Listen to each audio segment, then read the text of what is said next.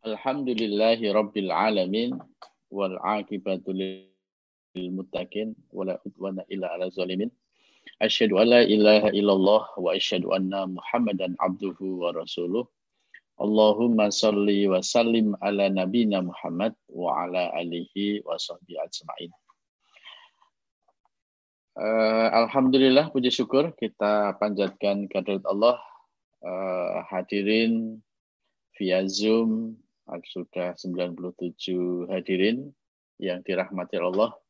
Alhamdulillah pagi hari ini kita diberi kesehatan dan kita coba untuk belajar bersama-sama tentang strategi dakwah yang di uh, tertuang dalam surat Al-Maun uh, ini uh, banyak yang dilakukan oleh organisasi kita Muhammadiyah untuk mengamalkan ayat ini. Salawat dan salam semoga tetap pada junjungan kita Nabi besar Muhammad Shallallahu Alaihi Wasallam. Uh, beliau memberikan contoh nanti uh, closing dari kajian hari uh, ini adalah saya ingin mengangkat hadis Rasulullah yang Rasulullah besok itu menjanjikan kepada beberapa orang yang dia tunjuk dengan dua jari begini antara Rasulullah dan dia itu di surga itu seperti dua jari ini. Baik, kita ikuti bersama-sama kajian surat Al-Maun ayat 2 dan ini kita berbicara tentang surat eh, tentang anak yatim. Hadirin yang dirahmati Allah dari rumah sakit, dari SMK, dari SMA ini saya lihat banyak. Saya tak coba tayangkan uh, materi ya Ustaz.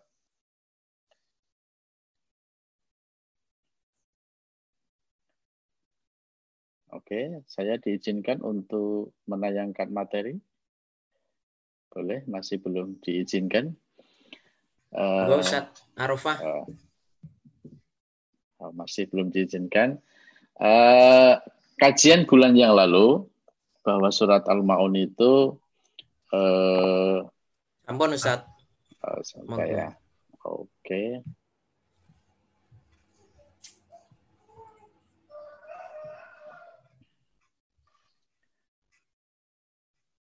Oke. Okay.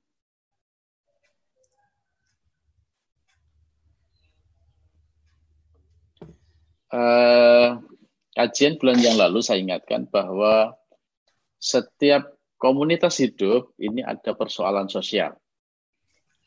Setiap persoalan sosial itu bisa kita sikapi dengan membuka peluang amal. Dan amal atas solusi uh, problem sosial itu bisa menjadi amal soleh. Dan amal soleh yang dikelola dengan sebaik-baiknya itu akan mengantarkan seseorang kepada pintu surga. Nah, pagi hari ini problem sosial adalah ada seorang laki-laki, dia statusnya suami, kemudian meninggal. Nah, ketika seorang eh, laki-laki tersebut meninggal, meninggalkan istri dan anak, maka di situlah salah satu problem sosial adalah tentang anak yatim.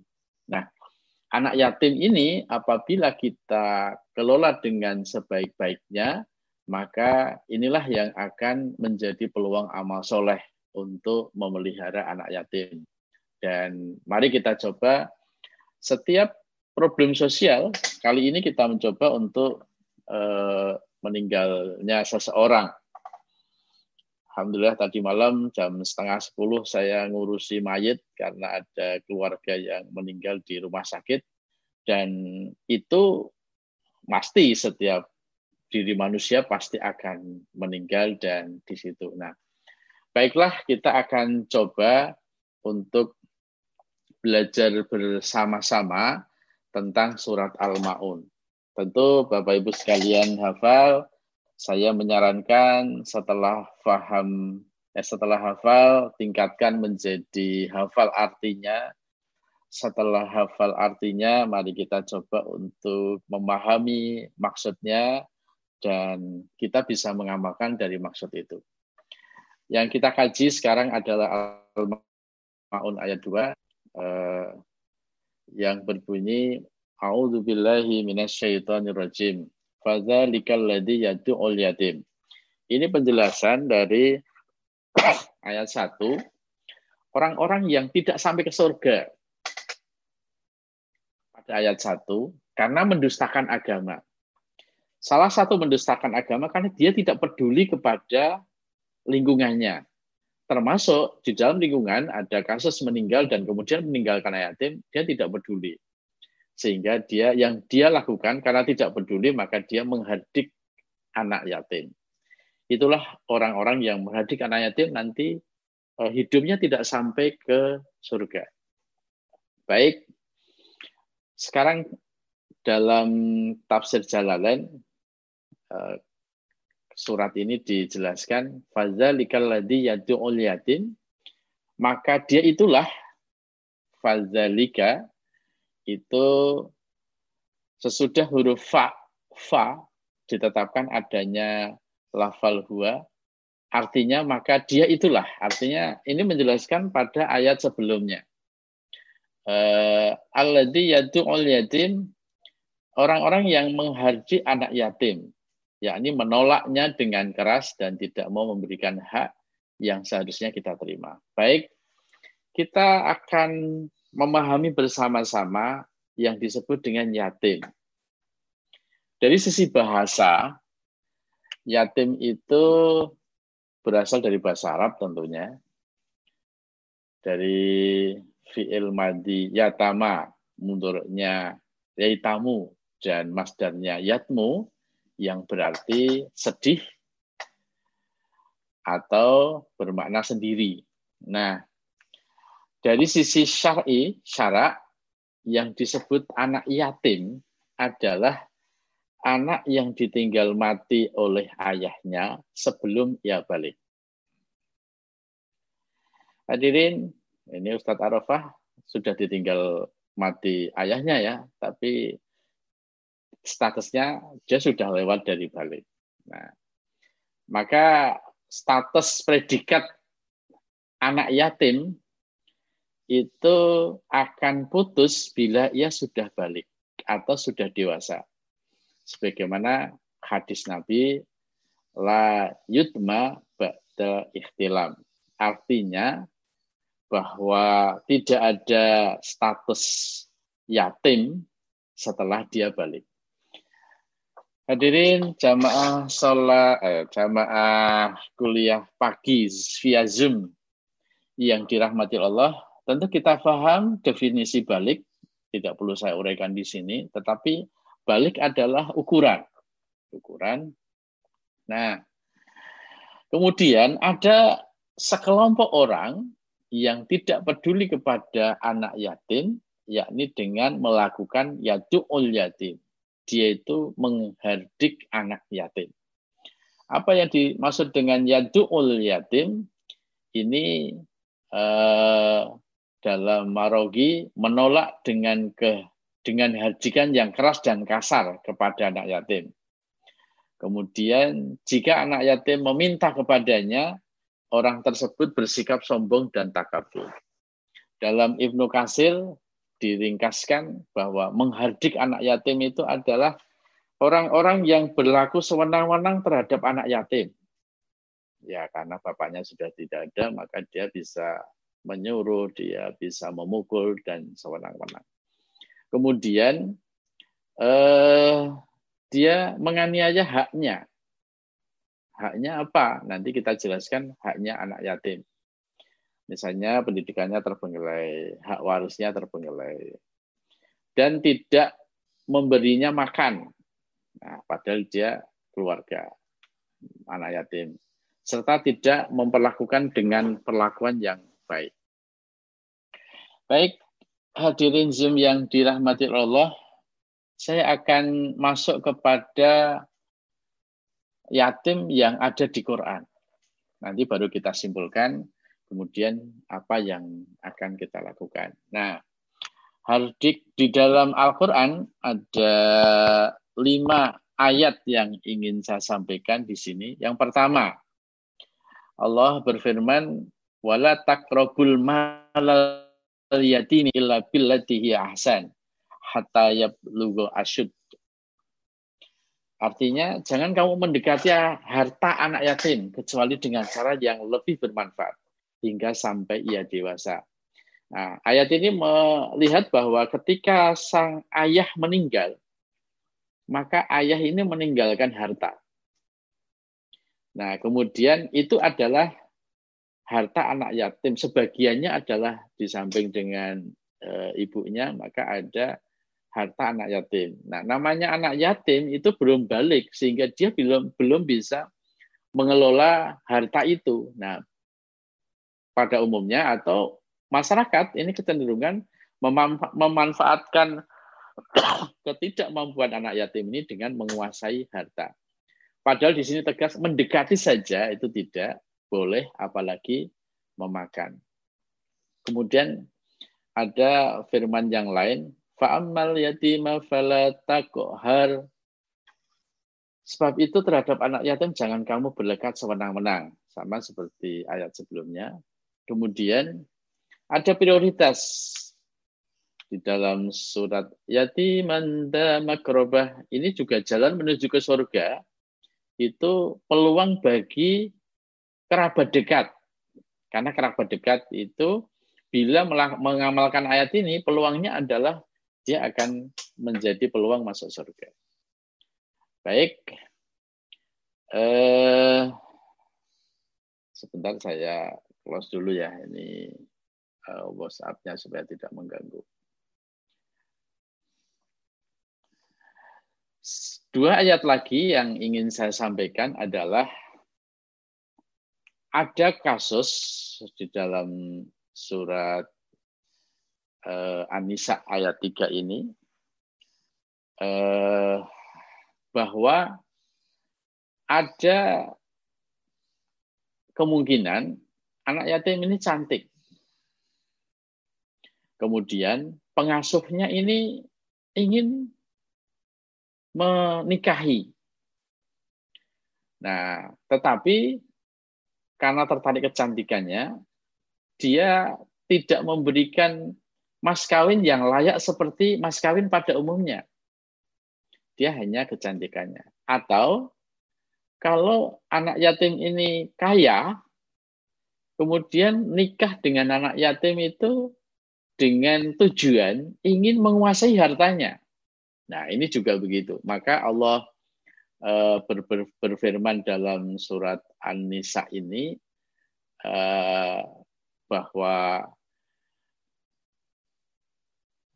uh, apa tidak bisa ala tuksitu filiatama tidak bisa berbuat adil terhadap anak yatim yang cantik atau sebaliknya anak yatim ini tidak begitu cantik sehingga tidak berminat dan kemudian dikekang saja dipekerjakan eh, dinikahi dengan adil juga tidak dilepas kepada orang lain juga tidak. Ini ada kemungkinan. Nah kemungkinan kemungkinan eh, masyarakat itu tidak bisa berbuat adil kepada anak yatim maka dibandingkan. Kalau begitu kamu lebih baik menikahi wanita lain yang kamu senangi bisa dua, bisa tiga begitu. Masna wasulasa waruba. Nah ini eh, sebenarnya ada akar eh, nikah boleh lebih satu di sini eh, bila terhadap anak yatim dan ini jarang diangkat bahwa penyebabnya ada ada orang itu yang tidak bisa berbuat adil kepada anak yatim.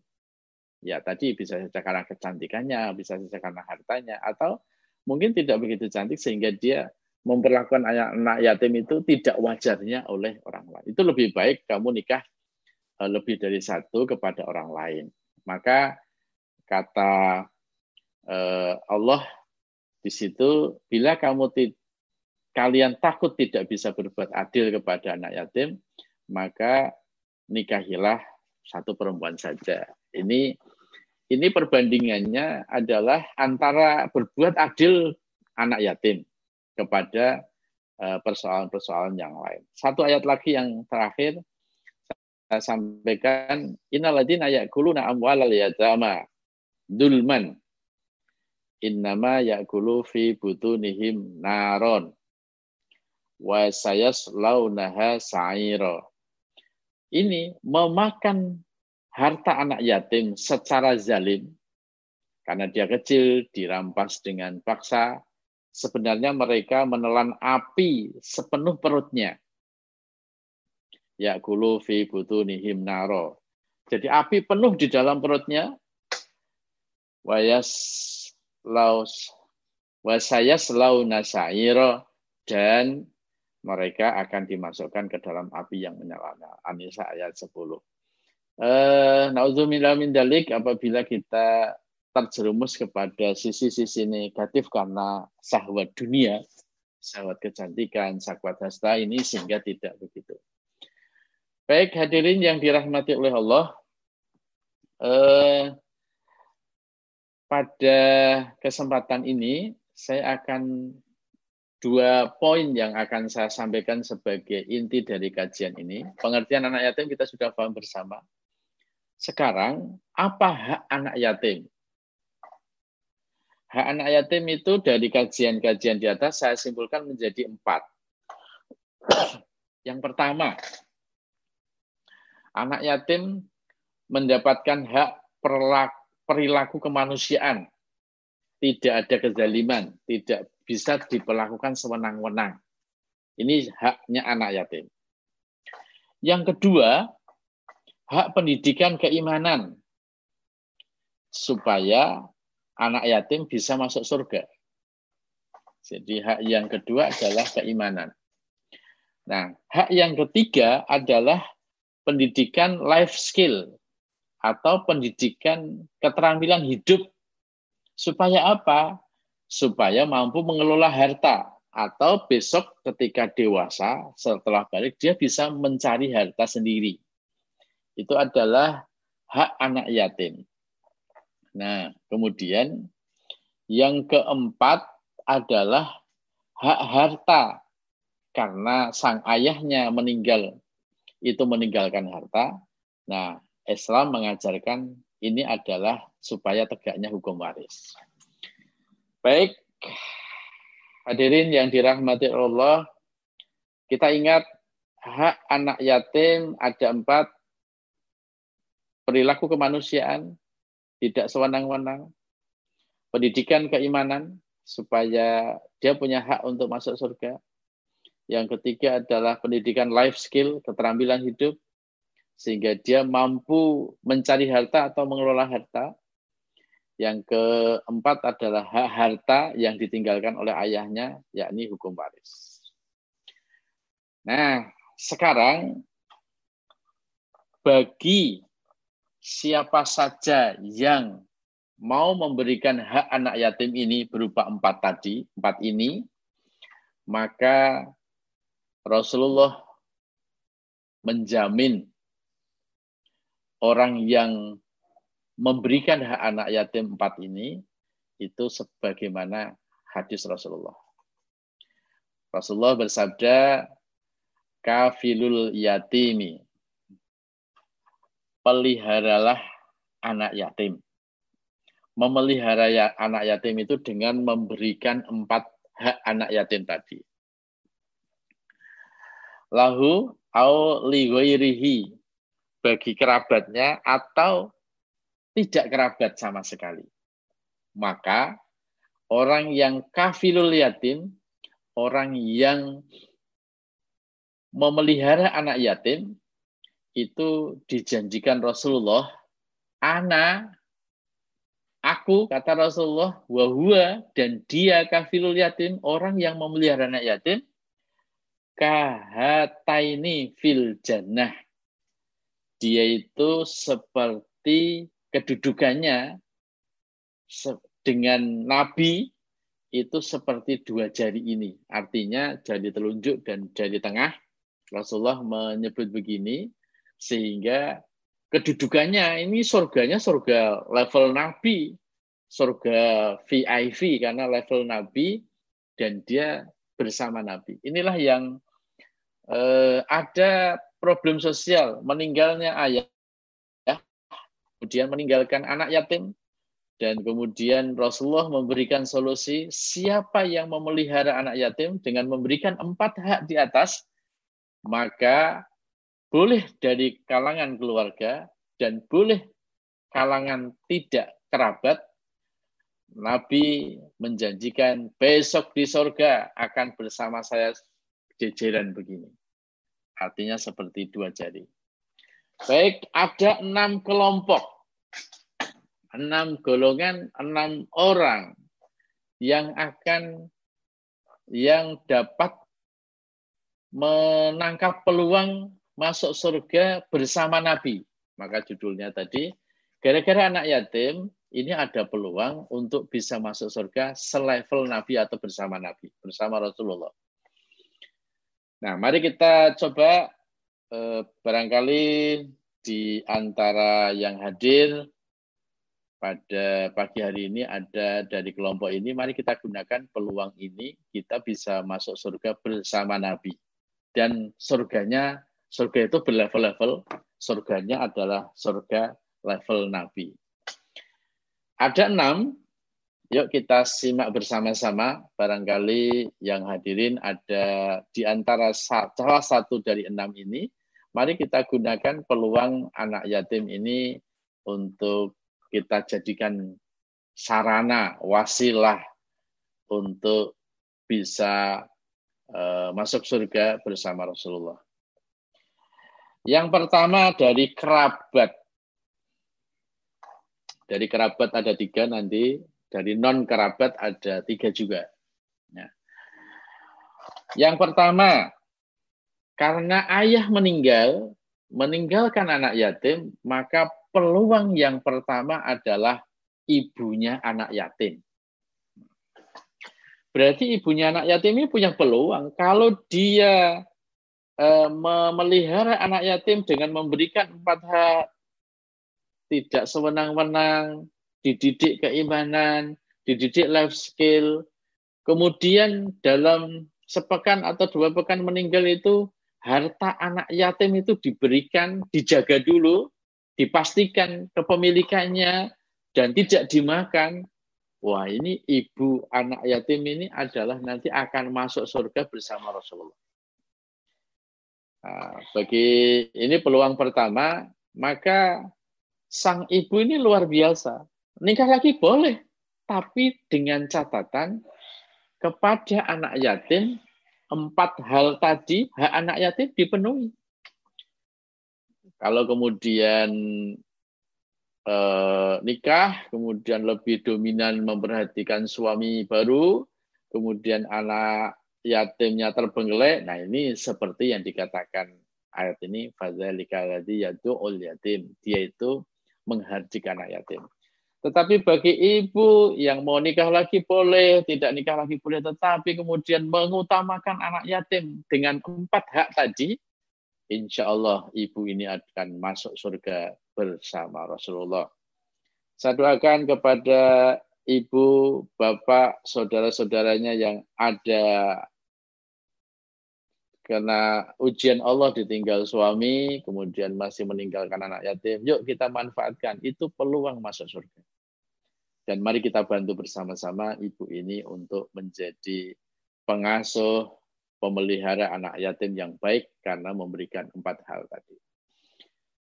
Yang kedua, saudara laki-lakinya.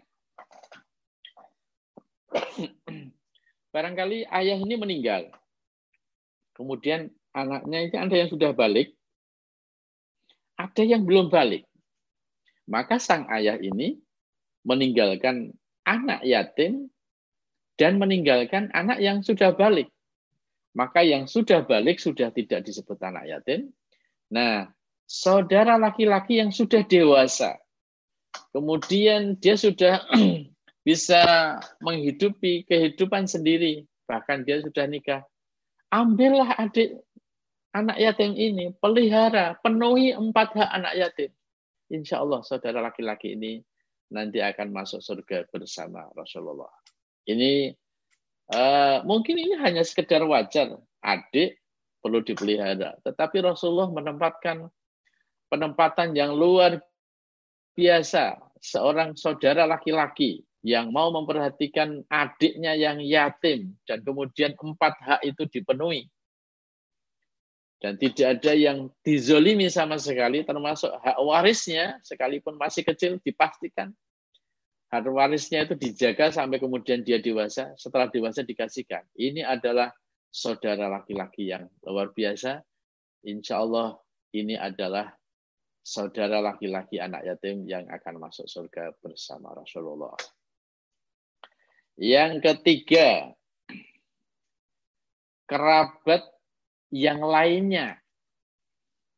Kerabat yang lainnya itu boleh pamannya, boleh budinya, bolehnya, atau sepupunya. Yang namanya kerabat masih ada hubungan kerabat lah. Maka dari itu begitu ada keluarga kita yang meninggal, perhatikan, adakah anak yatim? Prioritaskan, pelihara anak yatim ini bila ibunya memang kurang mampu, ambil saja, ambil saja. Pelihara di rumahnya dengan empat hal tadi. Jangan diperlakukan sewenang-wenang. Berilah hak kemanusiaan. Didiklah dengan keimanan. Didiklah keterampilan-keterampilan hidup sehingga dia nanti bisa mencari harta sendiri. Dan bila dia punya peninggalan ayahnya, pastikan hak warisnya jangan tergerus sedikit pun. Tadi dalam ayat mendekati saja tidak, artinya kepencut saja tidak kepada harta anak yatim, tetapi merawat harta anak yatim sampai kalau sudah balik serahkan kepada anak yatim. Baik hadirin yang dirahmati oleh Allah, ini kerabat anak yatim yang punya peluang untuk masuk surga bersama Rasulullah ketika dia kafilul yatim ketika dia memelihara anak yatim. Baik, silahkan bila ada saudara kita yang dekat, mungkin ibunya anak yatim, kita dorong, kita motivasi. Ini panjenengan punya peluang untuk masuk surga. Amalan jenengan itu luar biasa bila anak yatim ini terpenuhi empat haknya. Saudara laki-laki juga begitu, kerabat yang lain juga begitu. Ini adalah tatanan masyarakat. Yang Allah sebut tatanan masyarakat kemudian Nabi membangun dengan masyarakat madani atau istilah ilmiah adalah civil society. Artinya bahwa masyarakat ini masyarakat yang berperadaban karena berperhatian li selain kerabat yang lain. Artinya tidak ada hubungan nasab. Ini juga punya peluang yang sama bila dia mau memelihara anak yatim. Sehingga orang yang memelihara anak yatim ini akan dibukakan pintu surga bersama Rasulullah gara-gara anak yatim ini. Nah, siapa saja saya kelompokkan menjadi tiga. Yang pertama perorangan. Ya, siapa saja yang di situ ada anak yatim dan kemudian dia tertarik, mungkin dia takziah di situ oh ada anak yatim, kemudian dia berminat dan kemudian dia uh, izin sama uh, walinya dan kemudian mengangkat dirinya menjadi wali pemelihara atau kafilul yatim, maka ini pun juga dijanjikan Rasulullah besok akan masuk surga selevel Rasulullah. Yang kedua, bisa saja itu keluarga. Tadi satu orang, ini keluarga. Jadi eh, keluarga X yang tidak ada hubungan kerabat sama anak yatim, dan kemudian iuran bersama-sama, atau bersama-sama menjaga anak yatim, membiayai, menyekolahkan, mendidik life skill, itu kemudian keluarga Nah, ditanggung keluarga agak keluarga agak besar. Maka keluarga itulah juga dijanjikan Allah akan masuk surga bersama Rasulullah. Yang terakhir orang lain yang ini saya sampaikan adalah yang punya peluang untuk masuk surga adalah lembaga dakwah. Muhammadiyah adalah lembaga dakwah.